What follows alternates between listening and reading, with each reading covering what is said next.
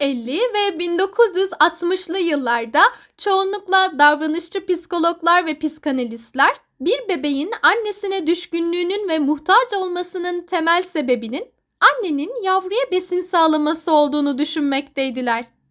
Ancak dönemin psikologlarından Harry Harlow ve arkadaşları bağlanma teorisini sadece beslenmeyle açıklamanın yetersiz olacağını, annenin yavruya sağladığı korunma, rahatlık, sosyalleşme ve sevginin görmezden gelindiğini ileri sürmekteydiler.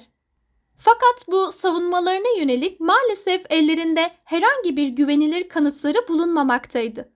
Bu nedenle de Harlow, anne bebek bağının tek sebebinin beslenme olmadığını kanıtlayabilmek amacıyla maymunlarla bir deney gerçekleştirmeyi planladı.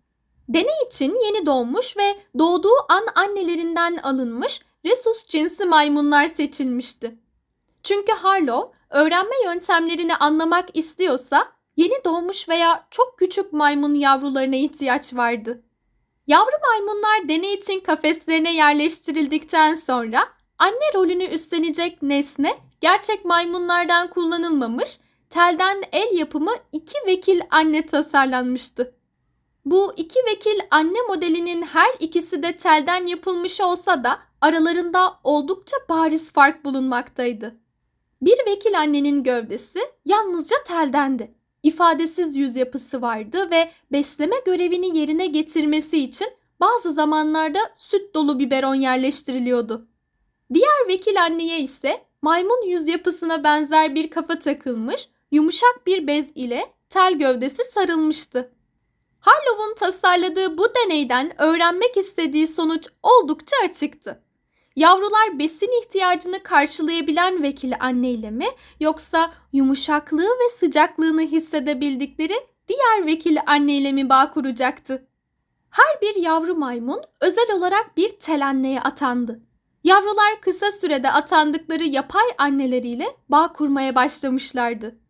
Yüzlerini ayırt edebiliyor ve diğer anneye nazaran kendilerininkini seçebiliyorlardı.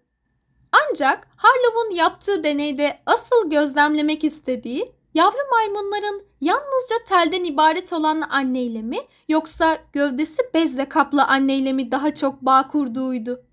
Deney gerçekleşirken Harlow ve ekibi yavru maymunlar acıktığında bazen tel anneye bazen de bez kaplı anneye biberon yerleştirerek onları yönlendirmek istediler.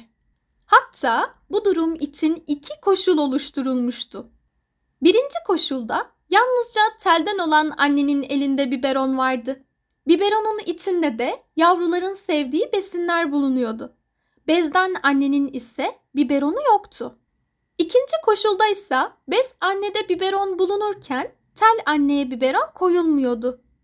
Tüm yavrular için iki koşulda gerçekleştirildikten sonra sonuçlara göre her iki koşulda da yavruların bez anneyi tel anneye tercih ettikleri ortaya çıkmıştı.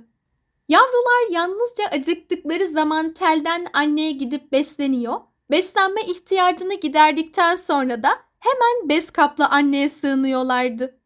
Kısacası maymunlar annelerine kendilerine sağladıkları besin için değil, yumuşak ve sıcak bedenleri için bağlanıyordu. Üstelik ekip deneyi çeşitlendirerek ortama bir korku nesnesi eklediklerinde de Yavru maymunlar korktuklarında telden anneye gitmek yerine kendilerini yanında güvende hissettikleri yumuşak olan anneye sığınmışlardı.